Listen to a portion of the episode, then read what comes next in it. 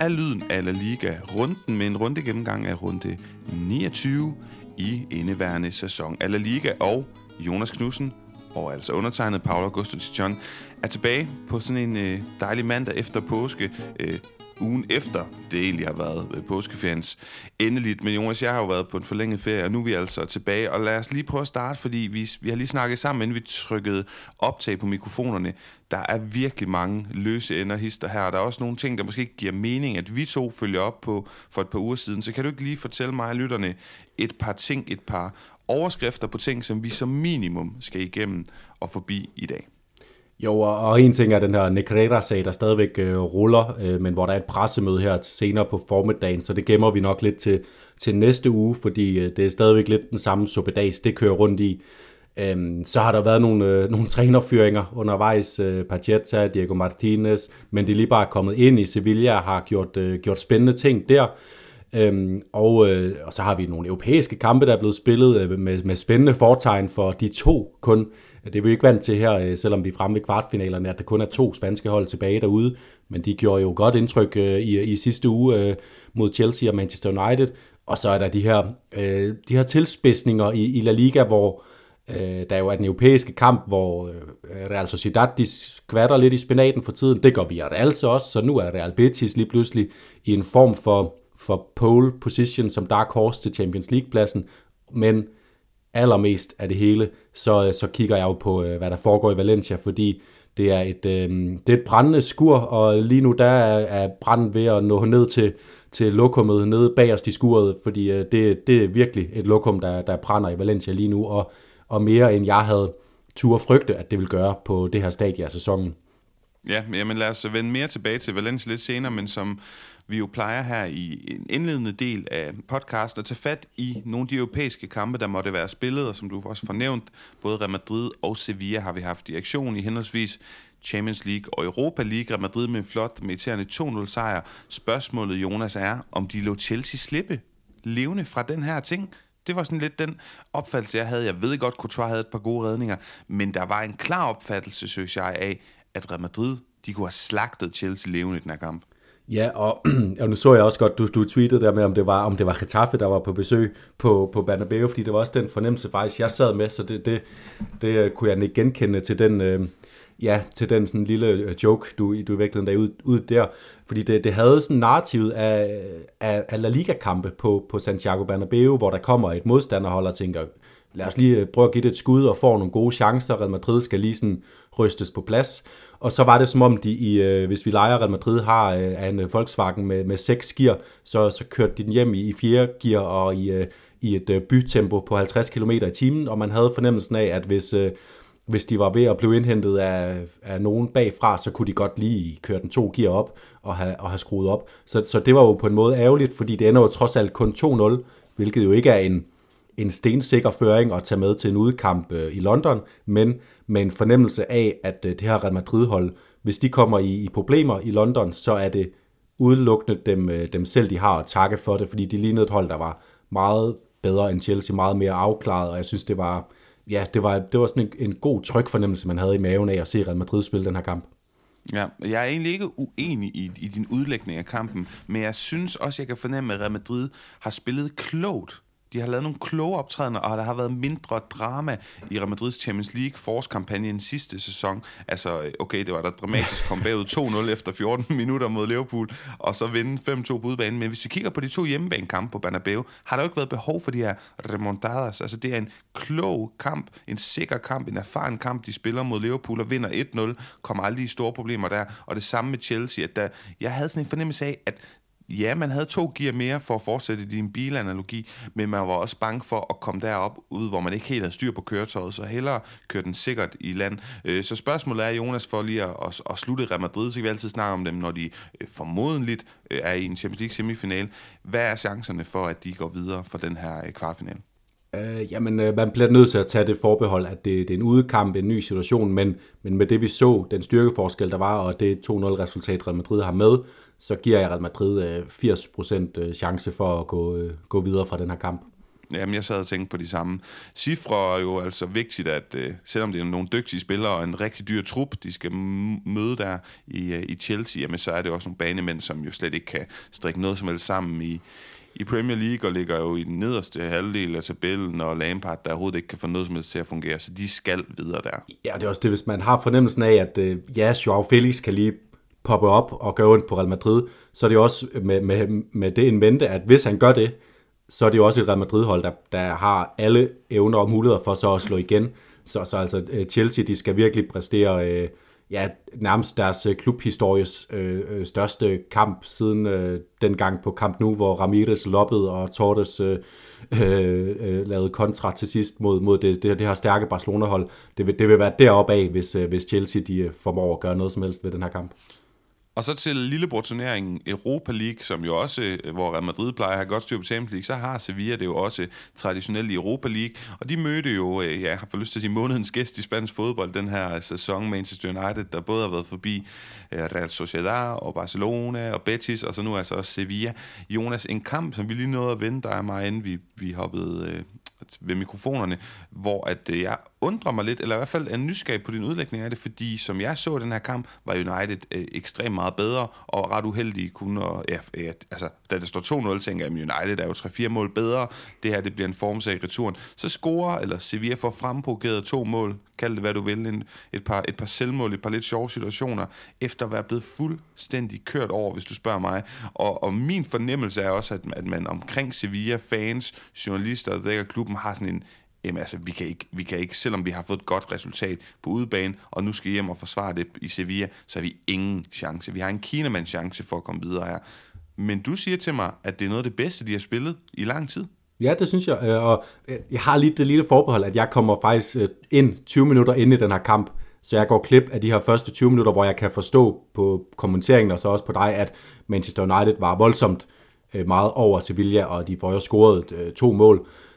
Men faktisk, altså fra da jeg kommer ind, der fornemmer jeg et skift, et skift i kampen. Øh, Sevilla, de får ligesom øh, manifesteret øh, deres spil højt oppe på Uniteds banehalil, og det gør de faktisk i rigtig store dele af kampen, hvor Øh, United hele tiden er under tryk. De havde så ikke den store chanceskabelse ud af det, Sevilla, men det var hele tiden øh, stressende fornemmede man for Manchester United. Og lige så snart, at de begyndte at lave nogle udskiftninger, som Ten Hag så også bagefter har sagt, at han var nødt til, fordi han var blevet advaret af dommeren om, at både Bruno Fernandes og Anthony, de lå på, på kanten af, af rødt kort, øh, så var det hele tiden nervøst for Manchester United. Og ja, det var nogle særdeles mærkelige mål, og jeg, øh, hvis jeg var Manchester United-fan, så ville jeg forbande det hele meget, meget, meget langt væk, fordi at, at når man øh, indkasserer sådan to mål, mens man er foran øh, øh 2-0, øh, så, så er det bare bittert. Men jeg synes jo, at det, at, at målene falder, det, det kom ikke overraskende, når man sådan så på, på spillets karakter, fordi at, øh, jeg synes, Sevilla fik virkelig sat øh, United under et imponerende tryk, og det var jo også sådan, at øh, at da de havde udlignet til, til 2-2 Sevilla, så, så øh, var kropsproget, at hey, vi, skal, vi skal prøve at udnytte det her momentum, fordi de, de følte, at de havde så meget styr på kampen.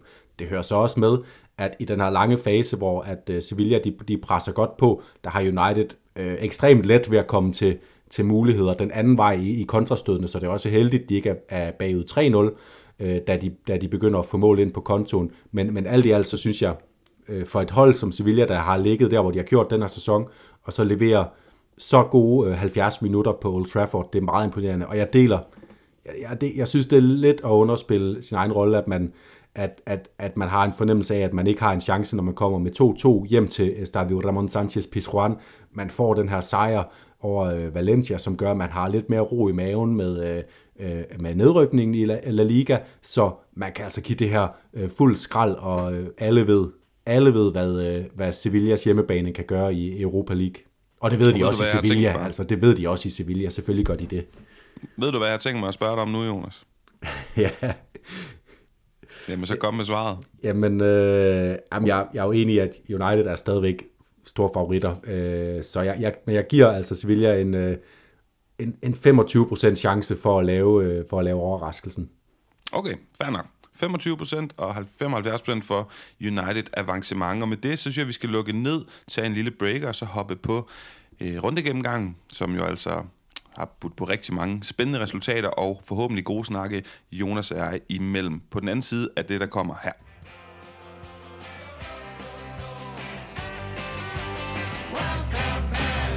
Jonas, øh, vanen tro, så synes jeg lige, inden vi begynder at læse resultater op og snakke meget øh, sådan helt konkret, øh, hvad der er sket i øh, weekendens fodbold i Spanien, at vi tager vores sædvanlige quiz-element her, som vi jo har bra- bringer i samarbejde med Pondit, det her danske brætspil, som er ja, øh, bæredygtigt, det er støtter lokalfodbolden, der er 60 dages returret, og vi har det her partnerskab, fordi vi kan smadre godt lide spillet, hvor at øh, vi kan sælge spillet, eller i kan købe spillet på deres hjemmeside med rabatkoden LYDEN20, L-Y-D-E-N 20, med store bogstaver, så får I 100 kroner rabat på spillet, og samtidig så støtter Pondit os med 100 kroner, så vi altså ja, har råd til eksempelvis øh, det faktum, at sådan en podcast her, den kan godt koste 150 kroner, eller det gør den, at ligge, have liggende oppe hver måned. Så øh, det er rigtig fantastisk, og øh, der bliver med at tikke salg ind hister her, så det er virkelig dejligt, og vi vil også rigtig gerne høre fra nogle af jer, der har købt det, hvad I synes om det, for det kunne jo være, at der sidder nogle af vores lyttere derude og tænker, åh, det lyder da meget spændende, men jeg mangler lige den sidste den sidste overtagelse. Og der kunne det jo være interessant lige at høre fra nogle af jer, der har købt spillet, om I er tilfredse med det, hvad I synes om det. Og nu stopper jeg min talestrøm, Jonas, fordi du skal præsentere øh, de spillere, jeg skal have gættet i dag. Ja, jeg har fundet, fundet tre spillere som, som sædvanligt, og jeg vil sige, at i dag kører jeg en, en stigende sværhedsgrad, så du slutter på den øh, helt høje klinge, hvor du kan score øh, UG, kryds og slange, hvis du også får den med. Men vi starter her. Denne hollandske angriber var en målscorer af højeste klasse, og han blev blandt andet topscorer ved EM-slutrunden på hjemmebane i 2000 med fem mål, hvor han dog også brændte et straffespark i semifinale-nederlaget til Italien. Ja, jamen, øh, altså jeg har to navne, og jeg, altså, hvis det skal være rigtigt, så må man jo få, øh, så, kan, kan man jo sidde og læse på kortet og læse stats over, hvilke klubber de har ja, været i. Skal du, lige have, med, skal du lige have et par klubber? Eller vil jeg vil, vil bare nøjes med at spørge, om han har været i FC Barcelona eller i Real Madrid. Han har været i FC Barcelona. Så tror jeg, det er Patrick Kluivert. Det er det. Og også et, øh, et kort ophold i, i Valencia i øvrigt. Og så har han været træner for Curaçao, kan jeg se, som, øh, som er hans øh, oprindelsesland på forældrenes side. Ja, og så har han også indtaget nogle lidt tvivlsomme roller i Barcelonas ledelse, har han ikke det? Jo, det har han. Han har været ungdomsdirektør i en periode, hvor, øh, hvor han vist øh, røg lidt ud øh, af bagdøren igen øh, til sidst. Nå, vi fortsætter. Nu bliver det lidt sværere, synes jeg. Denne argentinske forsvarsspiller er bror til en angriber, der primært gjorde sig italiensk fodbold hos Inter Milan. Selv vandt denne spiller The Double med FC Barcelona i 2011. Det er jo ærke England Gabriel. Det er Gabriel Milito. Og øh, med en fortid ved Real Zaragoza også, ligesom sin bror Diego Milito. Øhm, så øh, to flotte, et, et flot brødrepar i, i spansk fodboldhistorie. Ja, ja, altså jeg tror, jeg, jeg var mest imponeret over Gab- Gabriels, øh, de der nudelkrøller, han bare kørte. Det, det, det, det har altid imponeret mig, hvordan mennesker kan have sådan noget hår der. Jeg synes, det ser ja. meget vildt ud. Som ligesom går lige så meget opad, som det falder nedad. Det er en, en sær konsistens. Ja. Nå, Paolo, nu bliver det, nu bliver det svært. Nu tester jeg din, øh, din Real Madrid historieviden. Øh, denne playmaker betragtes som en af de bedste spillere i tysk fodbolds historie og findes i samme Bundesliga-generation som for eksempel Beckenbauer og Gerd Müller. Han vandt Bundesligaen i 1970 og 71, og han var årets spiller i Tyskland i 72 og 73. Han blev den første tysker til at spille for Real Madrid, hvor han vandt to La Liga-titler i 1975 og 1976. Som sportsdirektør stod han bag HSV's succes i 1980'erne. Ja, men Real har jo de der tyske, altså Bodo Ilner, målmand, der er slut 90, start 0'erne, og så er der Bernd Schuster, som, men mm, han, han er 80'er spiller, som jeg lige umiddelbart husker det. Så mit bud er Uli Stilike. Er det sådan, man udtaler det? Det er sådan, man udtaler det navn, du gætter på, men det er, ja, men det er, ikke... det er desværre ikke ham.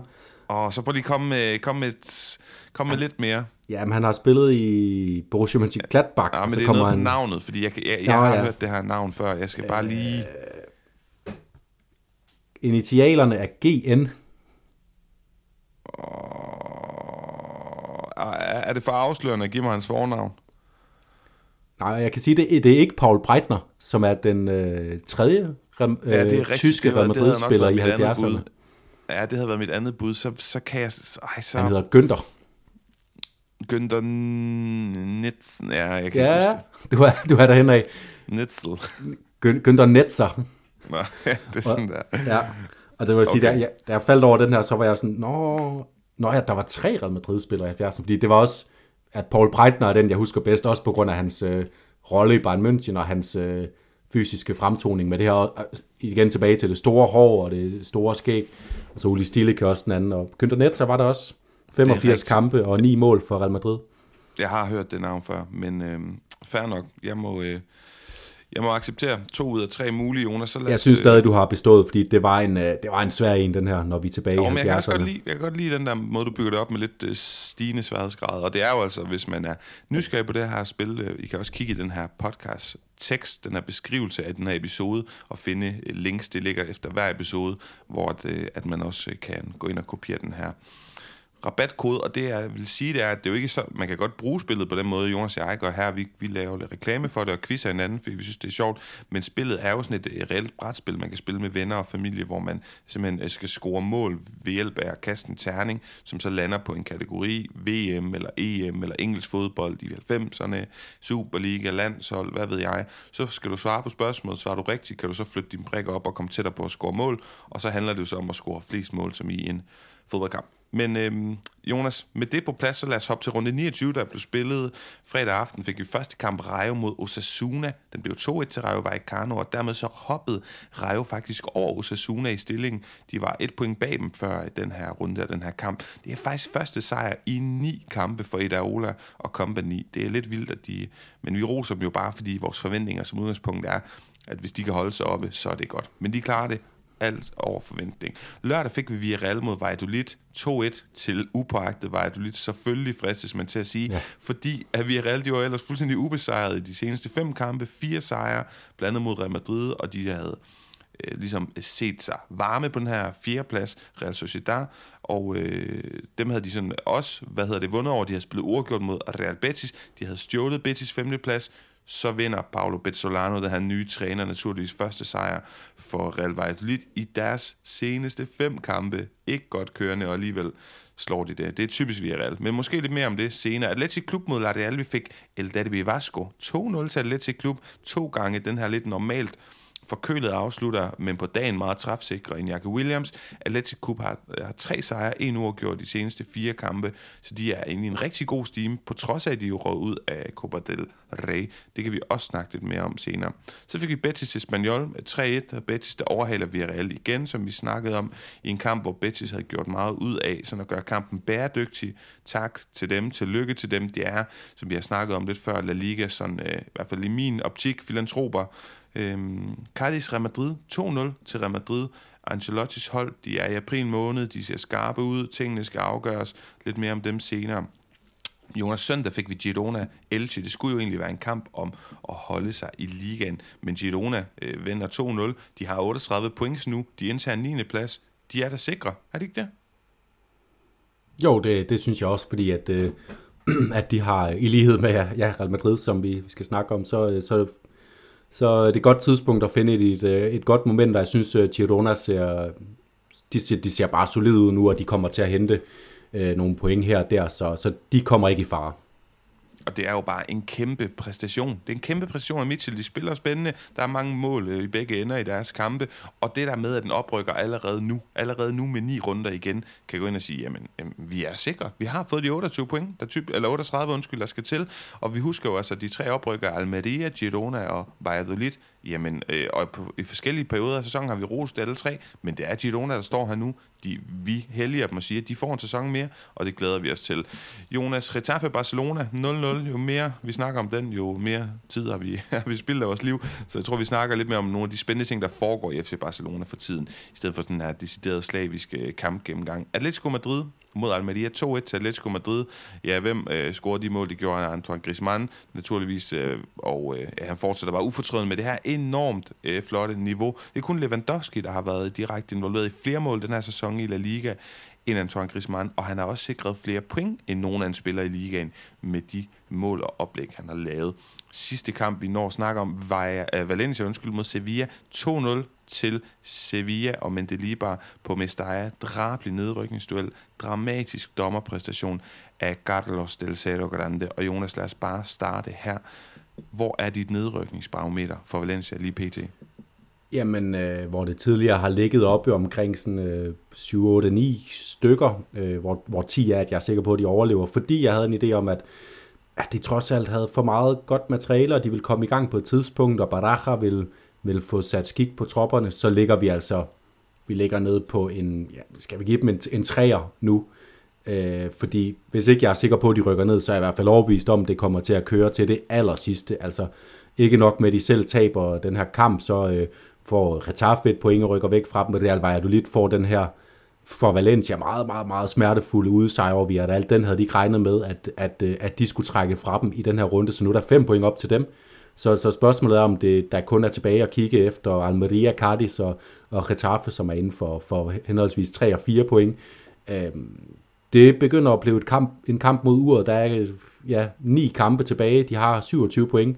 Og som du sagde før, de har, de har 38 point, man gerne skal op på. Så er det altså lige pludselig mere end et point i snit, de skal, de skal op og hente, for de kan, kan, kan føle, at de selv har sikret øh, overlevelsen i hvert fald. Så det er, det er meget, meget, meget svært at se nu, øh, at Valencia har en vej ud. Mm, og det er, jo, altså det har jo bare været nedadgående, nedadgående tendens, øh, ja, nærmest siden Peter Lim han tog over jo. Det har vi også snakket meget om. Men Jonas, lige en ekstra gang for ja, dem nede bagerst i lokalet med nedsat hørelse. Kan du ikke lige prøve en ekstra gang lige at genopfriske vores allesammens hukommelse? Hvad er det for et Valencia-hold, vi er vokset op med? Hvad er det for en størrelse klub, det her er? Det er en by, du har boet i. Det er en klub, du har, der, der ligger der måske lidt tættere på hjertet end de fleste andre spanske klubber.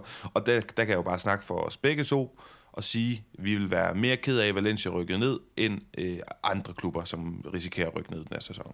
Ja, og, og, og det er fordi, det er en af de historiske klubber i Spanien. Det er, der er Barcelona og Real Madrid, de øverste to, og så er spørgsmålet om, det er Atletico Madrid eller Valencia, der er den tredje største klub. Det er i hvert fald den selvopfattelse, man har i Valencia, og det er også retfærdigt at sige, at de er i hvert fald som minimum den fjerde øh, øh, største klub i, i spansk fodboldhistorie.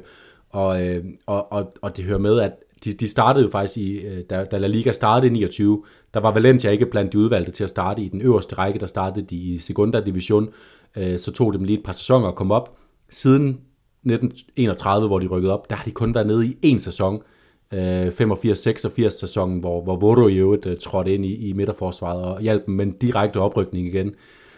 så det er monumentan nedrykning, vi, vi ser frem mod. Det er, altså det er det, for mig at se også den øh, absolut største historie i europæisk fodbold lige nu, at Valencia de kæmper for at overleve i den øh, bedste spanske fodboldrække, og, øh, og som du også lige er inde på sådan for os, øh, som er sådan i starten af 30'erne, så er vi jo vokset op med bevidstheden om Valencia som en af de største klubber, ikke bare i Spanien, men i Europa, fordi de var i to Champions League-finaler. De vandt to øh, La Liga-titler foran øh, Real Madrid, Øh, det her Galacticos Real Madrid, som vi også er vokset op med som et mytisk øh, hold i starten af nullerne, og, øh, og siden havde de det her hold med David Villa, David Silva, Juan Mata, som så blev sprængt til atomer på grund af finanskrisen, og så havde vi den her Salvador redningsplanken Peter Lim, som man troede kom ind i 2014, og så er det gået ikke ned hele vejen, lige to opgange, men alt i alt er det bare gået ned for en klub, som har en,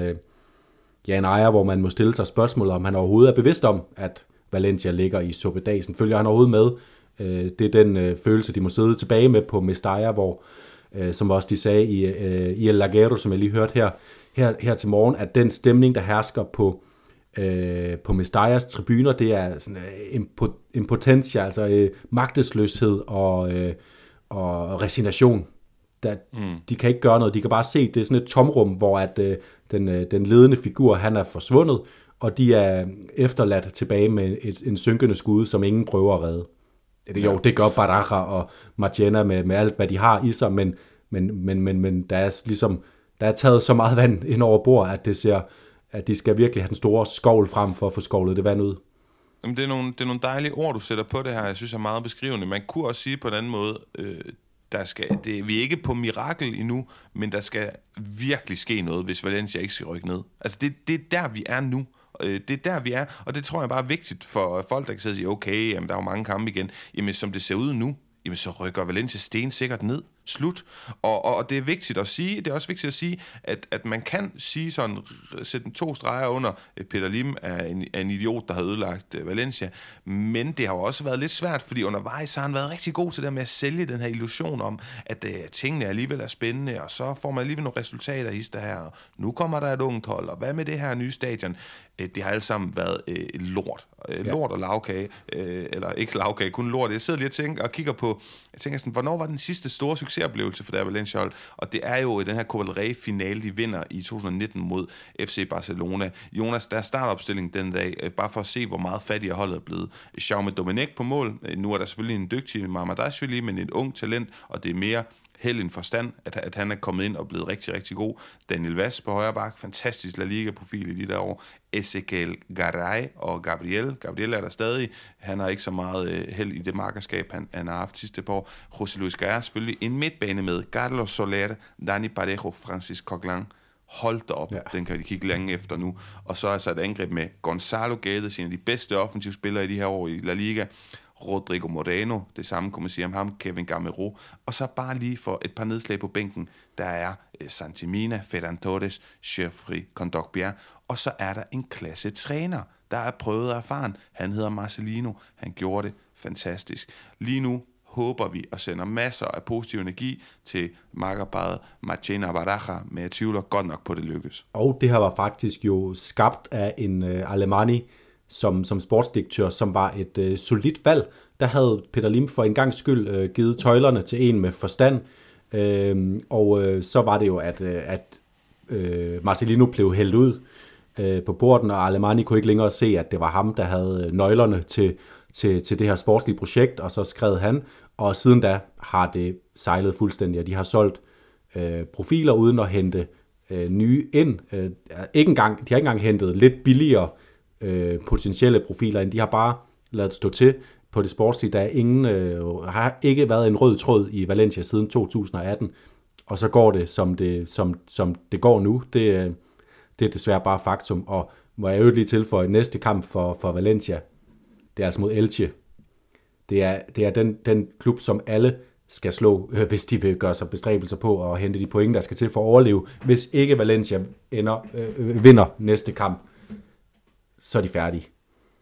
Og Jonas, øh, min, min lillebror har fået en, en valenciansk kæreste, og hun, hun er ikke så interesseret i fodbold, men jeg, jeg spurgte hende sådan ind til, jamen, hvad har du været med Stege, og hvad sådan, siger hun, ja, hun har så ikke været på Mestalla, men hun kan så fortælle, at selv, selv for hende, der er fuldstændig fodbold uinteresseret, så ved hun godt, det er noget med, at der er en klubejer, øh, der er en bestyrer, der er en kæmpe idiot. Og at det er altså stemning, der er overalt i Valencia. det er bare ja. meget interessant. Det siger noget om, at det er en by, som jo øh, en af de få byer i Spanien, hvor man ikke al, nødvendigvis har et, et, et, en præference mellem Real Madrid og Barcelona, for den klub, der er i den by, den er stor nok til at stå selv.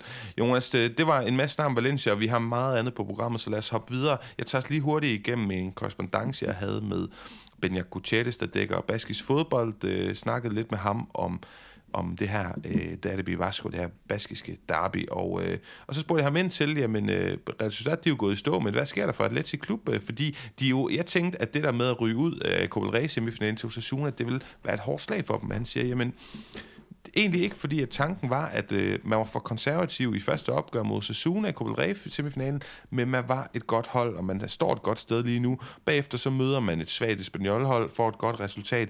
Derby mod La Real, det har så meget intensitet, det lever sit eget liv, og Williams-brødrene, de er fuldstændig afgørende i den her periode af sæsonen, og det gør selvfølgelig gode ting for Atletic Klub.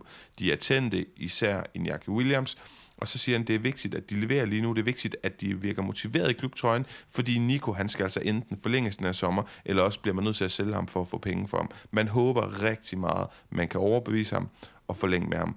Og så har klubben altså høje forventninger. De ligger jo lige nu, Jonas, i en European Conference League plads, øh, indsat en syvende plads, fordi at de har haft en god stime og en dårlig rejostime. Hvad vil det betyde at få Atletic Klub ud, tror du, i Europa kommende sæson?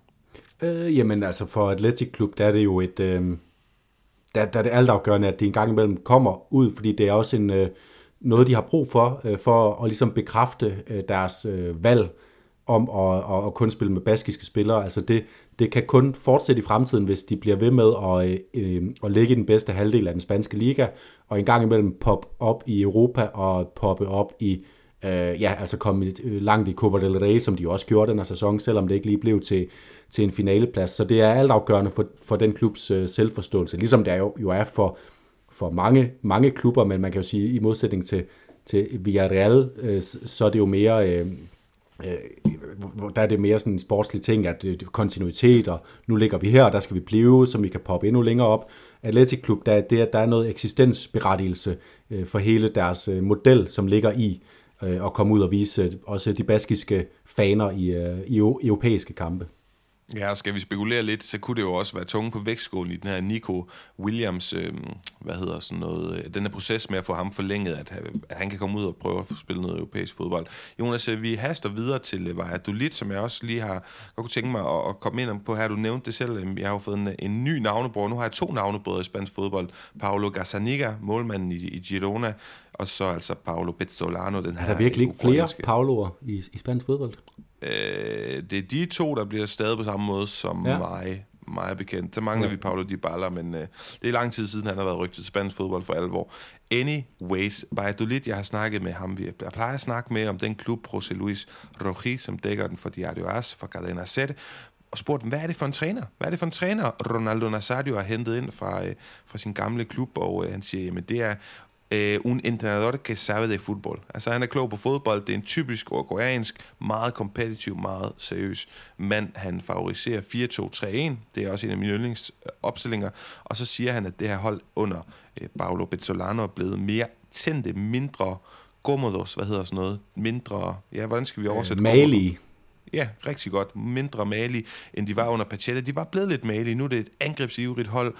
Og dog siger, øh, siger José Luis Roji, holdets største mangelvare, det er defensiven, og det er han meget i tvivl om, Paolo Bezzolano kan levere. Så siger han, Amala, som jo også scorede her i weekenden mod BRDL, bliver vigtig nu, og det gør og har de andre øh, vintertransfers generelt gjort. De har jo været spot on. Kyle Laren, har Canadian, Darwin Machis, Martin Ongla. Så det ser rigtig spændende ud, men jeg synes alligevel, jeg sidder med en dårlig... Jeg, jeg, jeg har ondt af øh, Pachetta. Jeg synes godt nok, det var tidligt at fyre ham. Jeg synes, han leverede pænt. Ja, altså jeg, jeg synes heller ikke, det er en, det er en træner, som er, er røget ud af, af, af bagdøren i skam. Han kan godt holde, holde hovedet højt, fordi han har, jeg, jeg synes, Real Valladolid har på mange måder leveret en, en udmærket sæson, øh, og lå heller ikke et sted, hvor jeg tænkte, de lå først for til at, at blive slæbt ned i nedrykningsspillet, men der er jo bare noget psykologi omkring det her, at ligge inden for en, øh, inden for rækkevidde øh, i, i gåsøjne, i negativ forstand af, af nedrykningspladserne, så går der en psykologi i gang i nogle klubber, hvor man gerne vil i hvert fald sikre, at man har gjort alt, hvad man kan, og så vil man hellere gøre noget, end man vil lade stå til. Og jeg tror, det er det, det, der er tilfældet lige præcis her i, øh, hvis, og hvis man skal sammenligne med for eksempel Sevilla, så, så Sevilla, det var jo en, en brændende kogeplade med Sampaoli. Det her, det var mere sådan en, ah, vi må hellere gøre et eller andet for at se, om vi kan, om vi kan rykke et par procenter, og, der må man jo bare sige, når man så slår via Real på udebane, øh, et, et, som du også var inde på i resultatoplæsning, et så dels formstærkt, et vindervandt øh, via Real-hold, så har man jo et eller andet, øh, så får man jo ret på et eller andet måde i, at, øh, at det måske var godt at gøre noget. Mm. Men Jonas igen, vi har meget, meget på programmet, så der så videre. Cardis Real Madrid, du sagde til mig, inden vi gik på, at øh, det synes du faktisk var meget spændende at snakke om den her kamp, for du så nogle ting, der tegner, altså der er nogle perspektiver i forhold til Real Madrids øh, sæson, der hvor det er spændende, på de fronter det er spændende, nemlig Copa del Rey og, og måske mere øh, navnligt øh, Champions League. Hvad er det, du så i den her kamp?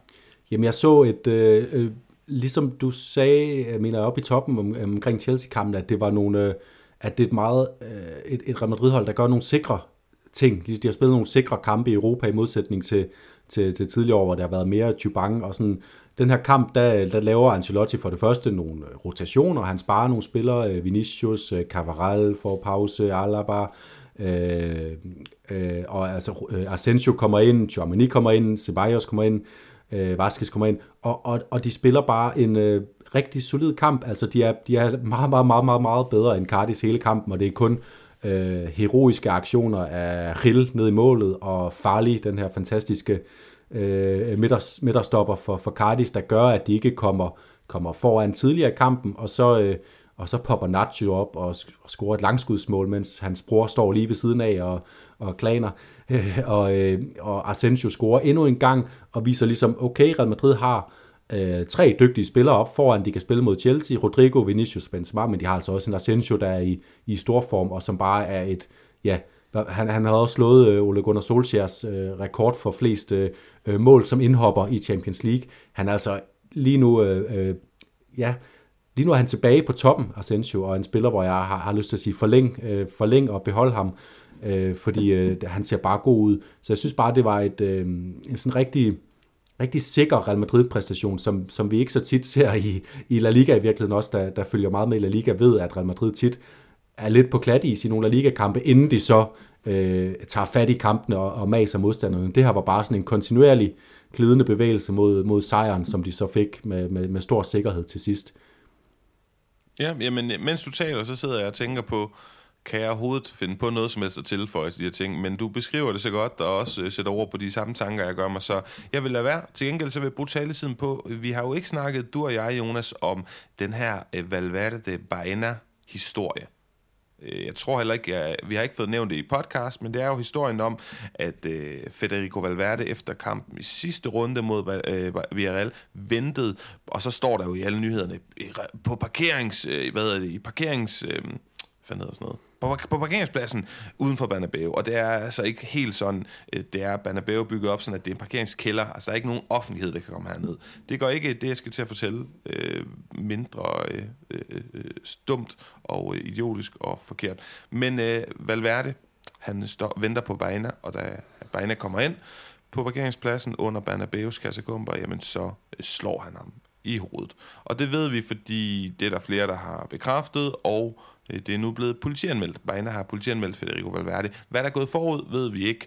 Er der gået noget forud? Det må man formode. Ikke at det øh, retfærdiggør, hvad øh, Valverde har gjort, men det er der, vi er lige nu. For Real Madrid vil ikke melde noget ud og Valverde vil ikke rigtig melde noget ud øh, Valverdes kone har sådan på sociale medier mere eller mindre indirekte bekræftet, at de ting, man hører i pressen, er rigtigt nok. Altså, at han har Baena øh, sagt nogle grimme ting øh, til Valverde omkring hans ufødte søn, som der har været komplikationer med. Det har vi vist også snakket om i podcasten. Over til dig, Jonas. Hvad i alverden, øh, jeg, ikke hvad man skal tænke, hvad tænker du om alt det her? Jamen, jeg, jeg tænker, det er en grim sag for, for Real Madrid og Valverde, og også det her med, at øh, ja, Valverde fik nærmest en, øh, han fik en personlig hyldest fra, fra Santiago Bernabeu, øh, da han kommer tilbage til, til Chelsea, og, og som nogen synes jeg egentlig meget øh, ret, retfærdigt på den måde har påpeget, så, så er der jo en parallel lige nu med Sadio Mane, som har, øh, nu er jeg ikke lige helt så meget i, hvad han har lavet, men han har slået en, eller gjort et eller andet mod en holdkammerat i Bayern München, og øh, responsen fra Bayern München, det er, at han ikke øh, spiller nogle kampe. Jeg har fire, mål, fire, dage, fire kampe, øh, hvor han sidder ude, og måske en bøde eller et eller andet. Øh. Valverde, han bliver hyldet af, af Banabeo, og, og det gør han på et meget tyndt grundlag, og det er jo det, det, er jo, det, er jo, det, er jo det her det mest spejede ved den her sag, udover det altid er spejet, når, en, når, man, når der er en, der giver en, en på Sinkadusen, det er jo øh, det er på ingen måde i orden, nærmest uanset hvad der så er gået, gået forud. Øh, men men det, det, det mærkelige det er, at forklaringen ligesom skulle være, at han har sagt noget, øh, Baena på et tidspunkt, hvor offentligheden ikke kendte til komplikationerne om Valverdes ufødte søn, så det implicerer på en eller anden måde, at Baena skulle have noget insiderviden, som han har brugt mod Valverde i den her kamp tilbage i, i januar, mener, mener jeg det var. Øh, og, og det hele virker som en meget, meget, meget tynd forklaring, og måske er det også derfor, at øh, Real Madrid og Valverde ikke rigtig melder noget ud, men at det er Baena, som er øh, ligesom, øh, ja, den spiller, der, der melder noget ud og fortæller om, jeg, jeg føler altså ikke, jeg har øh, overtrådt nogen grænser, der på nogen måde gør, gør mig fortjent til at modtage sådan en, øh, en uruguayansk øh, knytnæve. Øh, så øh, ja, det, det er bare en virkelig skodsag for Real Madrid på et tidspunkt, hvor de går ind i en øh, Øh, afgørende fase af sæsonen. Men altså, de formår jo til synligheden at lade som om det ikke er en sag, så det kan være, at det ikke får nogen indvirkning på dem, når de, når de kan leve i den osteklokke. Ja, jeg synes også, det, det er mystisk. Altså, det eneste, jeg lige vil sige, det er, at jeg har set der flere lave den point, du også gør her, Jonas.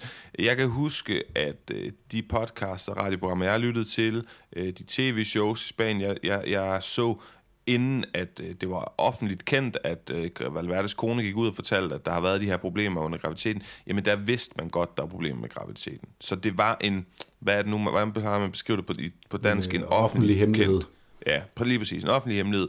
Um, anyways, det retfærdigt gør ikke tingene. Det, jeg ikke kan forstå her, det er, altså det sker jo relativt tit, at nogen de slår nogen. Og så det, det for, min reaktion er, og det burde være alle, synes jeg, at man siger, at hov, du skal ikke slå, du må starte med at sige undskyld, så må der komme nogle sanktioner. Det kunne være en bøde, det kunne være nogle sportslige sanktioner, og så skal vel være det ud at sige undskyld offentligt. Og så er det lidt det, altså misforstå mig ja, ikke, så vil vi synes, det... at han er en klovn, men så er det lidt det. Og at man ikke får lagt lov på det her, det gør det for lov at florere og leve videre og vokse sig. Det er en måske større ting, end det er, men det kunne jo sådan, altså der, der sker jo øhm, altså, der sker jo voldelige ting på en fodboldbane. Det sker der også øh, alle mulige andre steder i det cirkulære samfund. Og jeg synes, det er lidt mærkeligt, at, at man ikke bare får kørt den her ud. Real Madrid kunne køre deres klassiske, fuldstændig objektiv kommunikado official. Det her det er sket, og Valverde han får en spilledags karantæne og en bøde. Og så går han ud og siger på sociale medier, det må jeg fandme undskyld. Og så ringer han lige til sin ven, eller øh, nok ikke ven længere, men i hvert fald sin kollega Alex Baena, fordi, øh, let's face it, der bliver sagt mange grimme ting. Og det kan også være, Baena siger, ved du hvad, jeg kommer sgu til at sige noget, jeg ikke mente, der i kampens hede. Og så finder de ud af det. Jeg forstår ikke, at man ikke får lagt låg på den her for alles parter. Fordi der er jo øh, rigtig mange flere fans af Real Madrid og Valverde i, i sådan øh, almindelighed, end der er Baena og Villarreal. Og derfor er det også synd for Baena, for der er rigt, han har rigtig mange fjender lige nu. Og det skal han jo ikke have. Selvom han har sagt noget rigtig grimt, så må han jo også sige undskyld. Men, men det kan jo ikke nytte noget, at vi har flere millioner madridistas, der bare hader Alex Baena lige nu. Nej, det er, og det, det er netop også, det, og jeg var, vi var også inde på det øh, tidligere på sæsonen, da vi snakkede om øh, nogle voldtægtssager. Det var Dani Alves, øh, som var øh, anklaget for voldtægt, og vi har tidligere haft Cristiano Ronaldo, der har været igennem det samme, og hvor så øh, fansene af henholdsvis Real Madrid, når det gælder Cristiano Ronaldo, og FC Barcelona, når det gælder Dani Alves, så begynder de bare at forsvare deres held, alene af den årsag, at han øh, bærer deres klubtrøje. Der synes jeg bare, i sådan nogle situationer her, der bliver man nødt til at, at, at tage helikopterperspektivet og sige, det kan så godt være, at han bærer min øh, klubtrøje. Lige præcis det her, det var ikke okay. Øh, jeg synes, han burde sige, sige undskyld, som du er inde på, og, øh, og beklage, at han, har, at han har, har gjort det her, og så kan man komme videre bagefter. Det er bare, det, det, det skærer, øh, det, det, det, det virker bare rigtig uheldigt, og, og, og bare som udgangspunkt forsvare dem, der bærer ens klubtrøje for enhver pris. Øh, og jeg synes ikke, det her er en, en situation, der kalder på andet end øh, ja, øh, undskyldning og forklaring og alt, hvad der øh, måske også nogle dage i skyggen og, og hvad man ellers, øh, ellers kunne finde på. Så, så det er bare min appel. Lad nu være med at lade de her klub, øh, øh klubfølelser øh, trumfe igennem i sådan nogle situationer her. Ja, men øh, meget, meget enig, Jonas. Og, og du kan også sige, det er også fordi, det clincher lidt med det billede, vi har af Valverde, som er, virker sympatisk og har en rigtig god historie netop i den her sæson at han skulle have gået rundt og vente flere måneder på at tage hævn på, på Baena. Jeg siger ikke, at det ikke er sådan, det er sket, men øh, det kan være svært for fans at, at forlige sig med den tanke, og det er derfor, kom nu bare ud og indrømme, at du har, at du har fucket op. Jonas, vi skal haste videre, fordi der er mange andre ting, vi skal snakke om. Vi snakker om med Xavi FC Barcelona. øh, anden kamp i streg, 0-0. Græsset, det var tørt, mente den gode Xavi. Det, det forhindrede øh, FC Barcelona i at, at spille, for de har jo bolden mest, så kan de ikke udfolde deres hurtige pasningsspil. Solen, det var også en irritationsfaktor øh, som man sagde, vi er vant til at spille om aftenen. 2 gange 0-0. Sæsonen den er over for dem. De har vundet en rigtig flot øh, ligatitel. Det mangler kun formaliteterne. Det har været rigtig flot. Men får man lidt en bittersød afslutning på det, Jonas, nu? Og hvad, hvad kan man eventuelt gøre for at undgå det i den her Barcelona-lejr? Jamen, det, det bliver da en bittersød afslutning, også fordi at de her, de her to kampe, de bekræfter jo noget, vi har snakket om løbende gennem hele sæsonen, selvom Barcelona har øh, formået at blive ved med at vinde og vinde og vinde. De havde en, en sprudlende periode i efteråret, hvor de scorede mange mål, og Lewandowski var god, og øh, Dembélé var god, og Petri spillede, og, og nu har man ligesom den her bekræftelse af, så formående et Barcelona-hold er det altså ikke. Det er immer væk, øh, synes jeg, naturstridigt, at de har så mange point, som de har i den her La Liga-sæson, og nu får de bare den her grå, afmattende følelse, og det synes jeg simpelthen, de skal hanke op i sig selv, og så skal de komme over det, fordi Øh, det, det, det bliver et mesterskab med sådan en bittersød eftersmag, og det bliver ikke et mesterskab, der bliver fremhævet i, i historiebøgerne som et stort og kloriøst mesterskab, hvis de, øh, hvis de, hvis de fortsætter den her fade, fade stil, hvor, hvor de, det er gråt i gråt. Altså de spillede i gråt, og det var gråt, og det er gamle undskyldninger, der blev hævet frem. Øh, altså også dengang Xavi spillede, så var det også tit, at, øh, at det her Barcelona-hold kom ud på en udebane, og så kunne de brokse over, at græsset var tørt, men det gjorde modstanderholdene jo af en rigtig god årsag, fordi det gav dem en, en fordel.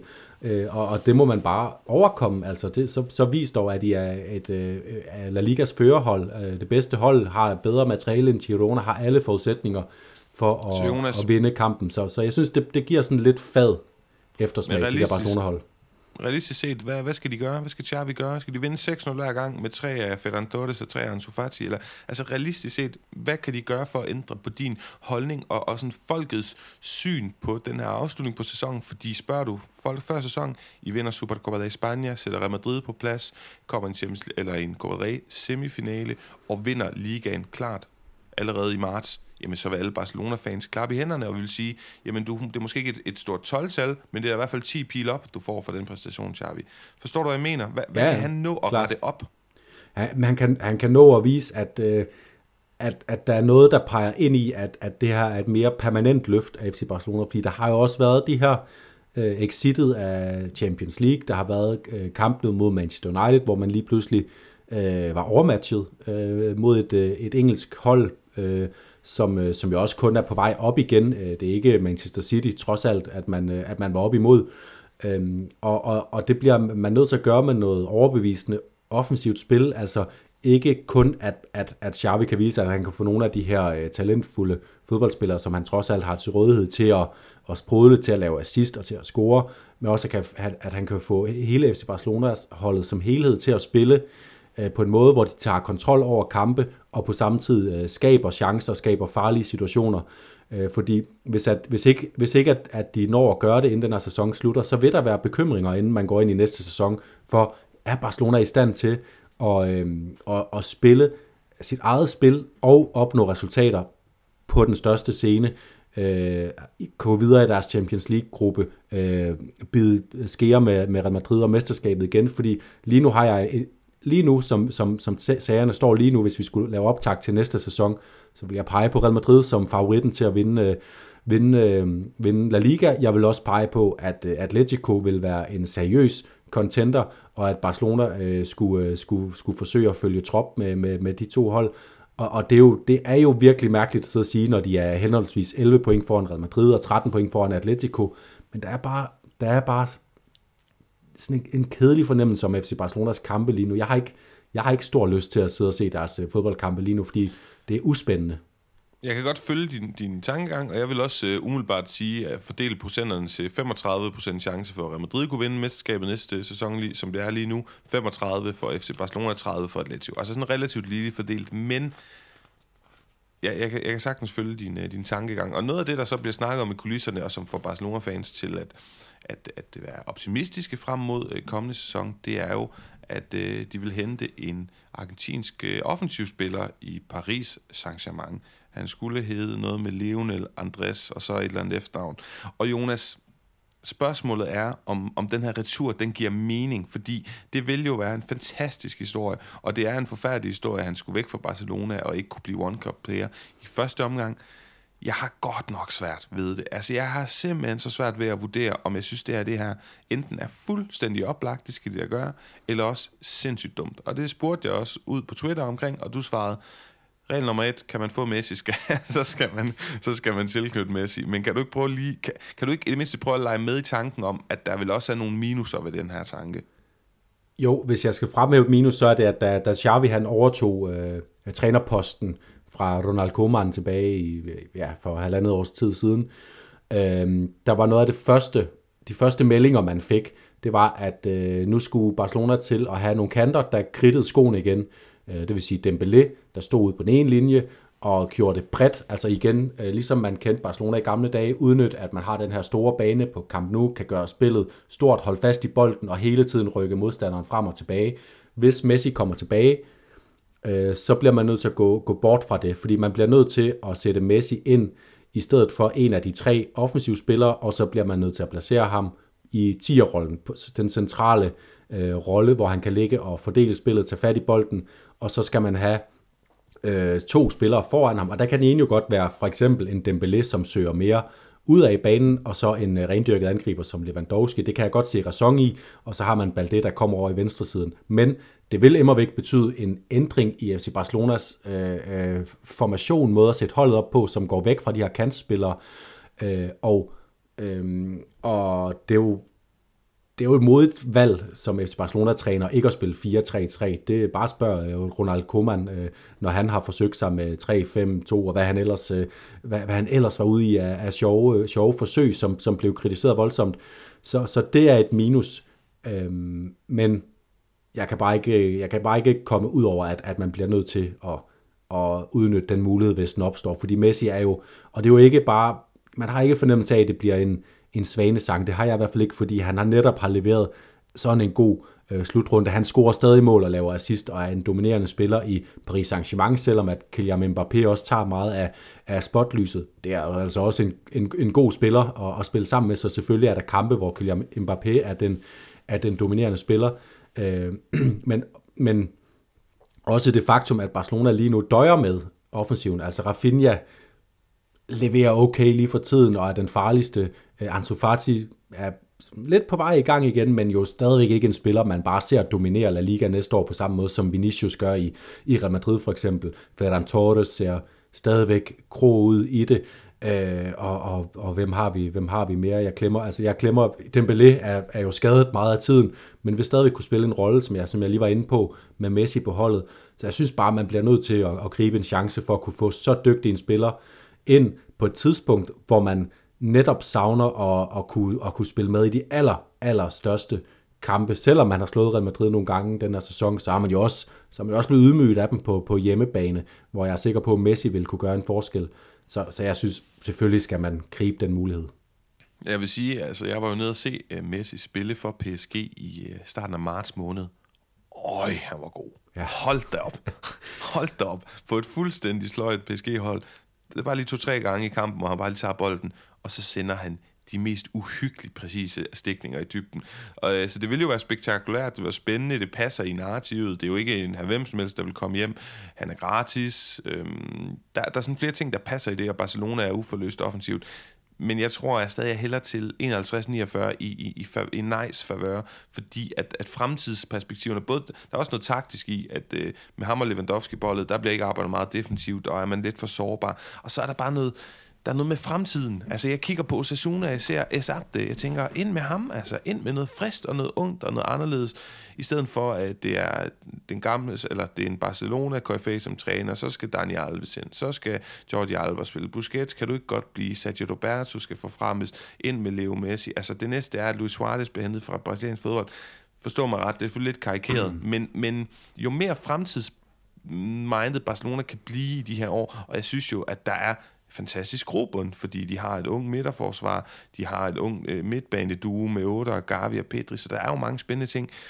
Jo mere det, jo bedre sådan en smule tålmodighed. Det ja. tror jeg bliver... Øh... Og med, med al respekt for Isabte, så, så synes jeg, at det giver mening at hente ham tilbage, men det skal ikke være i en øh, øh konkurrence med, med Messi. Altså det er ikke de to, man skal veje op mod hinanden, fordi Isabte øh, kan være en god spiller for Barcelona næste sæson, tror jeg, men han kan ikke gå ind og løfte FC Barcelonas præstationer på, øh, i Champions League for eksempel, og i de afgørende kampe øh, i, øh, i, i La Liga. Det kan, det kan Messi. Og øh, vi er jo også i en situation, hvor FC Barcelona kan ikke gå ud og, øh, og købe Holland lige nu. Eller de kan ikke gå ud og købe den der spiller, som fremtidssikrer dem de næste 10 år, at så har de øh, en af verdens bedste spillere de næste 10 år. Det har Barcelona ikke rådrum til lige nu. Det må man bare indse.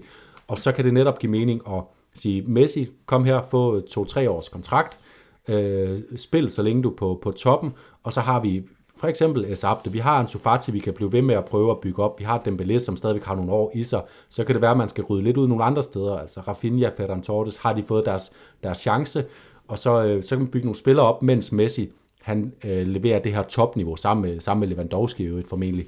Øhm, det tror jeg giver mening med den situation, Barcelona er, er nu i. Jeg, lige for jeg vil sige, at det vil være det ansvarlige at gøre, i stedet for den her idé, FC Barcelona ser ud til at, at køre efter med, at øh, selvom de er i økonomiske øh, øh, problemer og ikke næsten har råd til at have der og opretholde deres trup, så skal de ud og købe flere spillere, købe flere spillere. Altså, de har nogle muligheder for at, at, at bygge en trup op omkring det, de har, og så tilføje Messi, og selvfølgelig er der måske også nogle andre ting end, en højre bak og, og så videre. Så, så kan man reparere nogle af de steder, hvor man virkelig trænger til det. Øh, men øh, jeg, jeg synes, det vil give mening at lade Messi øh, ligge topkvaliteten de næste par år, mens man så kan bygge nogle andre, andre spillere op, og mens Messi kan hjælpe med at bygge nogle andre spillere op. Fordi hvad vil være bedre for Ansu Fati end at have en Messi at spejle sig i lige nu. Man, lige nu har man indtryk af, at Ansu Fati lidt er på vildspor i sin, i sin karriere, og så se den her spiller, som har gjort lige præcis det, som øh, man håber, Ansu Fati kan gøre, bygge sig selv op i Barcelona, blive bedre og bedre, blive mere og mere seriøs sportsmand, og, og, og, og hele tiden stræbe efter at og, og score mål og være afgørende. Det, det vil være luksus for, for Barcelona og for Ansu Fati at have en, en Messi til at, at agere den rolle. Jonas, lad os sige, at øh, vi lukker debatten for nu, så kan vi genoptage den, øh, når der bliver behov for det, når det bliver aktuelt, fordi den her leve retur, den er altså øh, på tapetet. Det er noget, der bliver snakket meget om i Spanien, og det er ekstremt spændende og genererer en god debat, et godt dilemma hos FC Barcelona. Jeg havde egentlig tænkt mig, at vi skulle snakke lidt Madrid, men jeg tror, at vi bliver nødt til at sylte den her, så kan jeg måske flette den lidt ind i løbet af de koringer, som, øh, som kommer lige om lidt, hvis jeg altså får lov af dig til at gå på en break, og det kan selvfølgelig godt være, at du har en, øh, en kommentar, du vil knytte hist eller her til runden, der er gået inden det. Nej, vi kan også bare sige, at Atletico Madrid de fortsætter bare, og Griezmann fortsætter bare med at være gode, så der er ikke så meget mere er der ikke øh, at sige om, om deres sejr over Almeria. Og dog det kommer jeg til at prøve lidt ja, det gør i forbindelse med mine koringer. Men øh, vi tager lige en breaker, og så på den anden side, så bliver der uddelt præmie.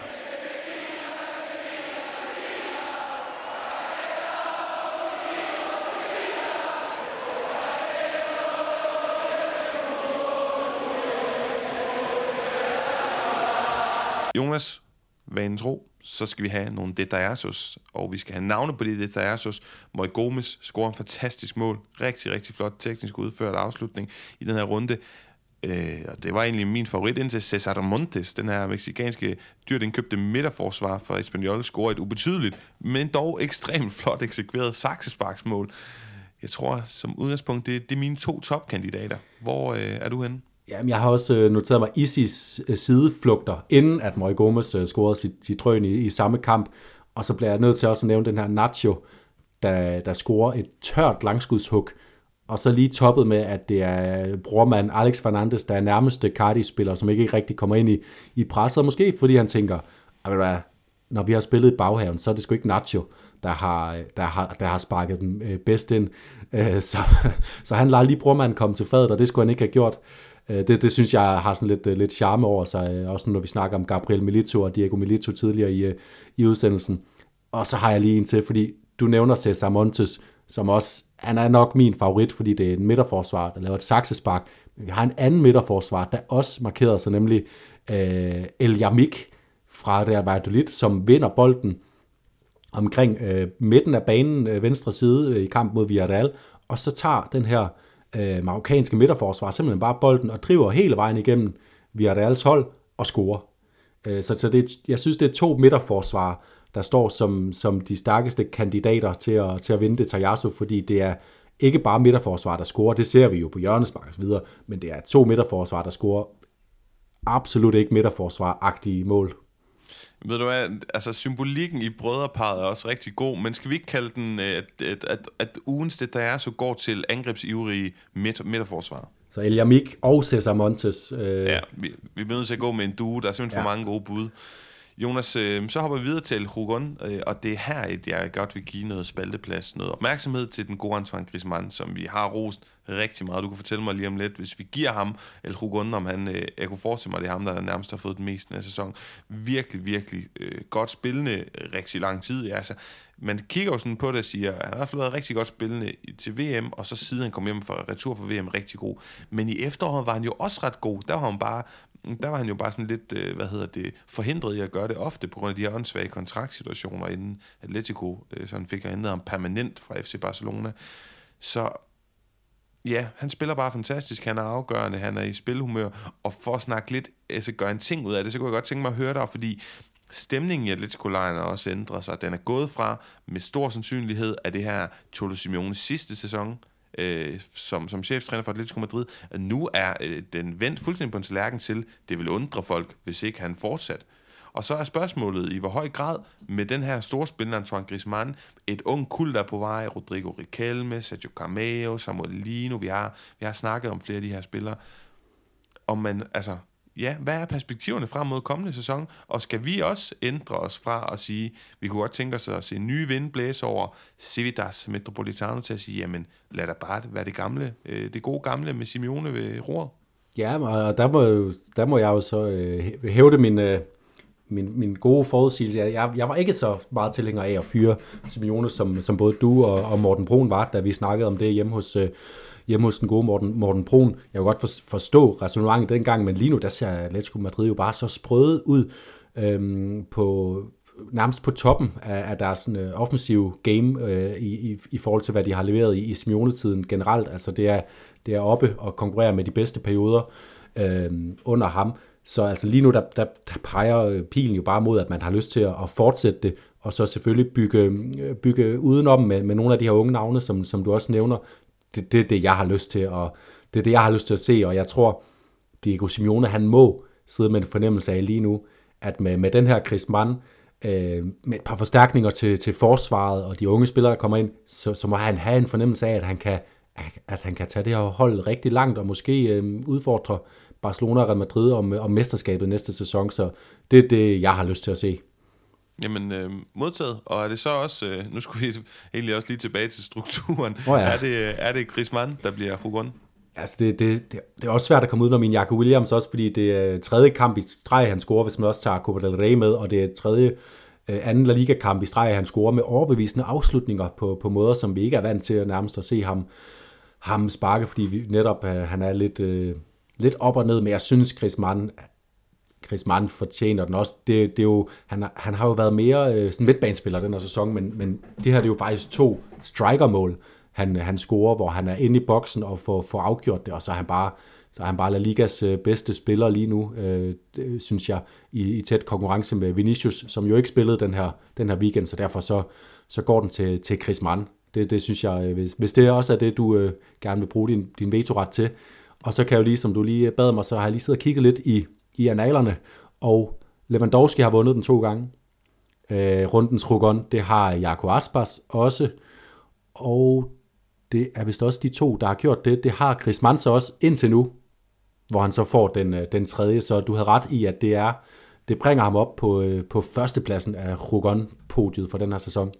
Og det lugter jo også af et rigtig godt bud, og det er også en kampagne, man er begyndt at Og Fede Valverde. Fede Valverde har også fået den to gange man, øh, man, man, man kan sådan fornemme i Spanien i kredse, at man begynder at snakke om, men er det her faktisk øh, sæsonspiller i spansk fodbold? Men det kan vi jo komme tilbage til, når vi, som vi plejer, Jonas øh, plejer at runde øh, sæsonen af med sådan en masse koringer og priser, årets hold osv. osv. Men øh, det er ikke nu. Det vi skal til nu i forhold til priser og, og hvad hedder sådan noget, kategorier, det er jo, at vi skal have snakket om, om de her ja, Cruyff og Drente, altså den positive og negative historie fra spansk fodbold i ugen, der er gået. Den negative historie for mig er den aktuation, hvad hedder sådan noget, den præstation, som Carlos del Cerro Grande, han leverer på Mestalla øh, søndag aften. Det er en forfærdelig dommerpræstation, og det bliver ved med at puste til ilden i den her dommerdebat, og tingene går så skidt, og jeg tror aldrig nogensinde, nogen dommerstand i noget land har været så skidt kørende, og som, som minimum have så dårlig renommé, som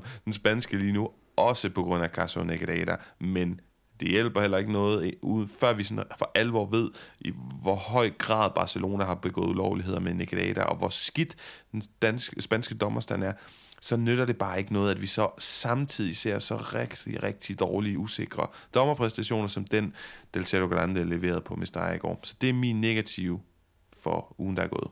Ja, og det er også den, jeg har noteret mig faktisk, og så også den debat, der afføder, fordi det er jo øhm, helt retfærdigt, at de øh, Lagero sidder og diskuterer VARs berettigelse, også fordi øh, det der straffespark, der bliver tilbagekaldt på Valencia, det er jo sådan et straffespark, vi nærmest har set VAR omstøde, eller øh, bede dommeren om at komme ud og kigge for at dømme øh, i hans situationer. Det er, øh, det er bare så svært at finde linjen, og når man ikke når man ikke kan finde linjen i, hvad VAR laver, så mister VAR fuldstændig sin autoritet, fordi det netop skal være øh, de her øh, altså vi, vi fik jo øh, prædiket det her clear and obvious øh, begreb, der var, det blev indført, og clear and obvious, det er bare ingen steder at finde i, øh, i VARs øh, interventioner lige nu. Det er, som vinden blæser, øh, og jeg, jeg er lige nu gået fra, jeg var egentlig tilhænger af VAR. Jeg synes også, at spansk fodbold fik en god start med VAR. Jeg synes, VAR øh, hjalp og, øh, og gjorde det øh, hele meget øh, klarere, og der var Selvfølgelig var der debat om det, men øh, lige nu der er det eksploderet, og alle varekendelser er til debat, fordi at der ikke er en linje i det, og, og det er fuldstændig forståeligt debat, og jeg er, jeg er kommet rykket 20% mere øh, over mod, at, at vi skal re- revidere fuldstændig, hvordan VAR skal, øh, skal bruges i, i fodbold. Øh, og den her Valencia-kamp har absolut pustet til den ild. Mm. Godt. Jamen, så lad os over til noget positivt. Og jeg vil starte min positive, min ugens krøf med, med, en, en lille løftet pegefinger, noget negativt til, til alle de store etablerede danske medier, der dækker spansk fodbold. Ingen nævnt, ingen glemt, der er heller ikke så mange af dem. Men den måde, der bliver snakket om, åh, nu kommer Mendy bare en kedelig gammel spansk dinosaur uden nogen som helst former for perspektiver til Sevilla, og Sassuna er kedelig osv. Nej, det, og det, det galt også Ernesto Valverde, jamen det er bare samme stabil. Jamen, det er så unuanceret. Det er fordi, kære venner, I har ikke øh, forstand på det, I har ikke interesse og nysgerrighed i at følge Osasuna, eller øh, som det handler om den her gang, men det lige bare, øh, altså han har både været tidligere eller vest, men det jeg husker, det jeg husker mest, Jonas, det er Eibar-tiden. Og den her måde på den her lille bane oppe i Borua, hvordan han gik fuldstændig ind, løb med direkte mod panden mod en mur, fordi han ville spille modigt, offensivt, dynamisk, direkte Brian Hill på venstre kanten. Det er sådan nogle kampe, hvor efter 10 minutter mod Real Madrid eller Barcelona, der kunne Eibar have spillet sig frem til to fuldstændig kæmpe store chancer, de tit brændte, og så kom øh, de her pasningsmaskiner rutineret hold den anden vej, og så øh, endkampen 4-2 eller sådan et eller andet. Fantastisk spændende træner, som jo, du sagde det også til mig, du kan selv få lov at sætte lidt ord på det, også er god til alligevel også at stille sig kompakt en gang imellem og organisere sig på den måde, og vi ser bare nogle flotte resultater. Han leverer for Sevilla, så undskyld mit øh, franske, men luk bag til, klap i, hvis I ikke ved, hvad I snakker om, eller hvis I ikke er nysgerrige på det det kan godt være, at han er gammel, og han ser lidt kedelig ud, men det er en spændende træner, der gør det godt, og som vi også præsenterede i programmet sidste uge via Sevista Tim Larsen, jamen giv ham da chancen i kommende sæson. Why not? Altså. Ja, og, og det er lidt den her formodning, man tit støder på, når man som også følger spansk fodbold, og, og oplever, at, at mange andre, der følger spansk fodbold, de ser meget, ja, så ser de El Clasico nogle gange, og ser Barcelona spille, og Madrid spille, og måske Atletico en gang imellem, og så i, i øvrigt synes de både Atletico af et øh, røvsygt øh, forstenet hold, fordi de ser deres Champions League-kampe, men ikke deres La Liga-kampe, øh, og det er det samme med Eibar der. Det var et, ja, som du er inde på, så, så synes jeg, at Medilibars Eibar var gode til at være kompakte, men det var sådan en kompakthed, der flyttede sig rundt på banen, en mobil kompakthed. De var højt presset, de var aggressive. Det var sjældent kedeligt at se en Eibar-kamp. Og, og så når man bare ser, at når han har spillet 4-4-2 og bum bum bum, og det er et lille hold og en lille bane, og det ser sådan lidt gråt og kedeligt ud det hele, så kan man godt bare konstatere, at det var da et kedeligt fodboldhold, men det var det bare ikke. Der var masser af spændende, og Aureliana var der, der var, der var så mange øh, spændende øh, spillere på det hold, øh, Scalante inde på midtbanen, og ja, det, det var et sjovt hold, og man så frem til, til Abars kampe mod, ja, især selvfølgelig de store, hvor de skulle bide skære med, med, med nogen, der er en helt anden vægtklasse end dem. Og nu er de også, er de ikke også på vej op igen, Eibar? Eller er det, jo, jo, de det, ligger på førstepladsen. Og det er jo det, der er Jonas med. De spillede også meget i, læng, i banens længderetning. Altså ja. frem med bolden, frem, frem, løbe frem, direkte aggressivt i, i banens længderetning. Det var spændende. Han er en spændende træner, han leverer godt. Det er ham, der får min uh, ugens, uh, hvad hedder det, krøf. Men, og jeg ved godt, han ikke har opfundet fodbolden, hvilket Krøjf jo på nogen måde gjorde. Men, uh, men, men han skal have ros, og det skal jeg gå bare der sat til os for at nævne en. Det skal, og som du helt rigtigt siger, de er håbløse eksperter, når de snakker om Simeone og Atletico. Jeg, jeg kan blive så sur. Men ja, der sker mange spændende ting. Prøv at kigge på, hvor mange spanske træner der er i engelsk fodbold. Det er stadigvæk en af arnestederne for, for fodbolden og for dens udvikling. Jeg siger ikke, at spansk fodbold er på, på toppen af Europa, som den har været, men der sker stadig spændende ting. Og det andet, det er simpelthen bare Jamen det, det er fordi, man er, man er simpelthen uinteresseret, og man gør ikke sit arbejde godt nok. Det er unuanceret, det er dovent at kalde de her øh, folk for kedelige ansættelser og konservative ansættelser. Det kan godt være, at han er gået konservativt til opgaven i Sevilla, men han skaber resultater, og det er det, den klub har brug for lige nu. Og vent og se, om ikke det nok bliver spændende. Det tror jeg i hvert fald på. Hvad er din krøf? Jamen, det er også til lige men det er jo på baggrund af hans øh, af Sevilla-holdets præstation på Old Trafford, som jeg synes var, var forbilledet. Både fordi det er dejligt at se, at øh, vi, vi har kun to spanske hold tilbage, øh, hvad vi ikke er vant til, men det er så to hold, der leverer øh, rigtig øh, fint i, i den her uge, og, og bringer sig selv i positioner, hvor de kan gå videre nu og vinde på chancefordelingerne. Real Madrid har størst chance, Sevilla lidt mindre. Jeg er også sikker på, at øh, øh, for sådan at binde, binde en, en hale på, på din Cruyff også, jeg er sikker på, at Cruyff vil anerkende Mendy Libar som en meget, meget, meget værdig modstander til, øh, til Cruyffismens øh, tilgang, som det er blevet, og det må Cruyffisten, øh, Erik Ten Hag jo også sande efter den her kamp på Old Trafford, at, øh, at Mendy Libar, han havde nogle værktøjer til at, øh, og, øh, at overkomme øh, Manchester Uniteds øh, fodboldspil, som jo ikke er, har nået nogle navler, hvor man kan snakke om er, er sådan storslået krøjfisme, men dog med nogle krøjfistiske idéer i, i, i Ten Hag. Øhm, og det fik man det lige bare altså sat en, en, en stopper for med, øh, ja, som jeg vendte på på et tidspunkt, øh, i synes jeg i hvert fald 70 minutter, hvor de, hvor de spiller, spiller rigtig godt med, og så er heldige også at få, de, øh, få valuta for pengene med, med nogle heldige mål. Men øh, indsatsen, den var bare god, synes jeg. Fedt. Og sjovt, vi egentlig er, er enige i øh, kritik af dommer-situationen, og så ros til Mendilibar og Jonas. Og til sidst, inden folk de øh, anklager os for at have, have skyklapper på, eller i hvert fald mig, så vil jeg sige, jeg ved, jeg ved godt, der er spanske hold, der spiller kedeligt. Retafe, Cadiz, gab, gab, gab, for at bare nævne to. Ja. Men øh, der, hvor at, at kritikken er, ja, ikke er færre og retfærdig, der synes jeg lige, at, øh, at jeg skylder at, at, at løfte en pegefinger. Forudsigelser frem mod kommende runde, det er sidste program på, øh, point på, hvad hedder sådan noget, det sidste ting på dagsordenen. Ja. Og jeg har kigget på Atletic Klub. Jeg tror, de vinder mod Almeria, som jo ellers er blandt ligaens allerstærkeste hjemmehold. Og Almeria, det har jo stadig ikke vundet på udebane. Den skal vi altså lige holde øje med, den statistik. Øh, det er også meget sjovt. Men øh, jeg tror, Atletic, de vinder over Almeria på udebane. Og øh, Nico Williams er billig og i god form. Og Jan Sanset er billig og i god form. Når jeg siger billig og i god form, så mener jeg god form på fodboldbanen, billig i managerspillet holdet.dk køb de to offensive herrer. Må ikke, at, øh, at der kommer et mål eller et oplæg fra en af dem, hvis ikke begge to.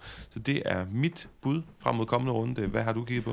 Jamen, det lyder realistisk, det du byder. Jeg, jeg kigger på øh, den her kamp på Camp Nou mellem Barcelona og Atletico. Griezmann vender tilbage til Camp Nou, om man så må sige. Øh, og det gør han jo i den her excellente form, og Atletico Madrid ser bare stærkere ud end Barcelona lige nu. Jeg tror, at Atletico Madrid kommer til at og som minimum få uafgjort. Jeg tror også, de vinder, og så tror jeg, at Chris Mann, han er super motiveret for lige at få scoret et mål og få, øh, og få vist sig selv i den udgave, som han er for Atletico Madrid lige nu, over for de der 100.000 mennesker, der sidder på øh, kamp nu og helt retfærdigt har et lidt mere øh, øh, gråt billede af, hvad han er for en fodboldspiller, fordi det, det var jo ikke det, han viste, da han var i Barcelona. Det, det hører bare med. Men det tror jeg gerne, Chris Mann lige vil vise. Her er jeg, det her er Antoine Griezmann, det er sådan her, Øh, jeg er som fodboldspiller og har været det i største delen af de sidste 10 år i øvrigt, øh, og nu får I det lige at se på, øh, på sådan en solbeskinnet søndag eftermiddag, tror jeg det er. Øhm, så ind med Chris Mann. Han er, jeg har ham som anfører og har haft det igennem en periode nu på mit holdet hold, og det er kun gået opad med min, med min pointindsamling. Og så kigger jeg lige på, på Real Betis, som jo øh, sendte Alex Moreno til Premier League. Han øh, scorer mål og laver assist det år, som vi har været vant til, at han gør ind af trådt Juan Miranda. Han scorede i weekenden her, det er hans andet mål faktisk, efter han har overtaget venstrebakken fra, fra Alex Morano, og øh, Real Betis, de møder Osasuna. Osasuna ser bare ud til at være et hold, der er lidt deflated efter, de er, øh, har udsigt til den her øh, Copa del Rey-finale. Den fylder det hele for dem. Tabt til Rayo senest, har meldt sig lidt ud af kampen om de europæiske pladser. Det har Real Betis til gengæld ikke. De, de kan virkelig dufte Champions League-fodbolden, og vi ved, det ved vi jo også fra sidste sæson, Pellegrini. Det er, et kæmpestor, øh, et kæmpestort mål for ham, og de er, jeg tror, de er helt op på duberne resten af sæsonen i Real Betis for at opsøge enhver mulighed, og de kommer til at vinde ud over, de kommer til at vinde over Osasuna og Juan Miranda. Billigt valg, mulighed for oplæg fra venstre bak, og selvfølgelig også mulighed for, for mål, fordi at han er, han er begyndt at, at komme med frem, ligesom Alex Moreno har gjort det. Ja, og mulighed for clean sheet jo også, Præcis. hvor der er gode point der. Jonas, øh, det vil være de, lade, være de sidste ord. Jeg vil lige nå at sige, at jeg synes, Barcelona og Atletico i kommende runde det lugter langt væk af uafgjort. Men det får vi at se, og vi kommer til at snakke meget mere om det på mandag, når vi vender runde 30's opgør, hvor det, det selvfølgelig er udsigt til, at det bliver, det bliver rundens partidazo, men ingen af holdene har frygtelig meget at spille for, så det bliver sådan lidt spændende at se, om kan vi få sådan en lidt en affære, hvor begge hold tænker, jamen så lad os da bare spille, lad os da bare spille os ud. Hvad nu hvis Atletico vinder, Real Madrid vinder, 8 point, 8 kampe, er der nogen som helst kattelem for, at vi skal sige ej liga næste runde? Not a chance in hell. Okay, altså, den bare, Fair altså, nok. Det, ja, det, det, tror jeg slet ikke på, men altså, lad os da vente. Lad os da vente, hvis situationen ændrer sig. I hvert fald skal I for nu have tak, fordi at, øh, at I lyttede med. Kig på det her pundit-spil, eller sige det videre, så kan det jo være, at nogle af dine bekendte, de kan få, eller det kan de jo, de kan jo bare gå ind og få, øh, få gavn af den her rabatkode og benytte sig af den. Og ellers så lyttes vi altså ved i øh, næste uge. Tak for nu. Ciao.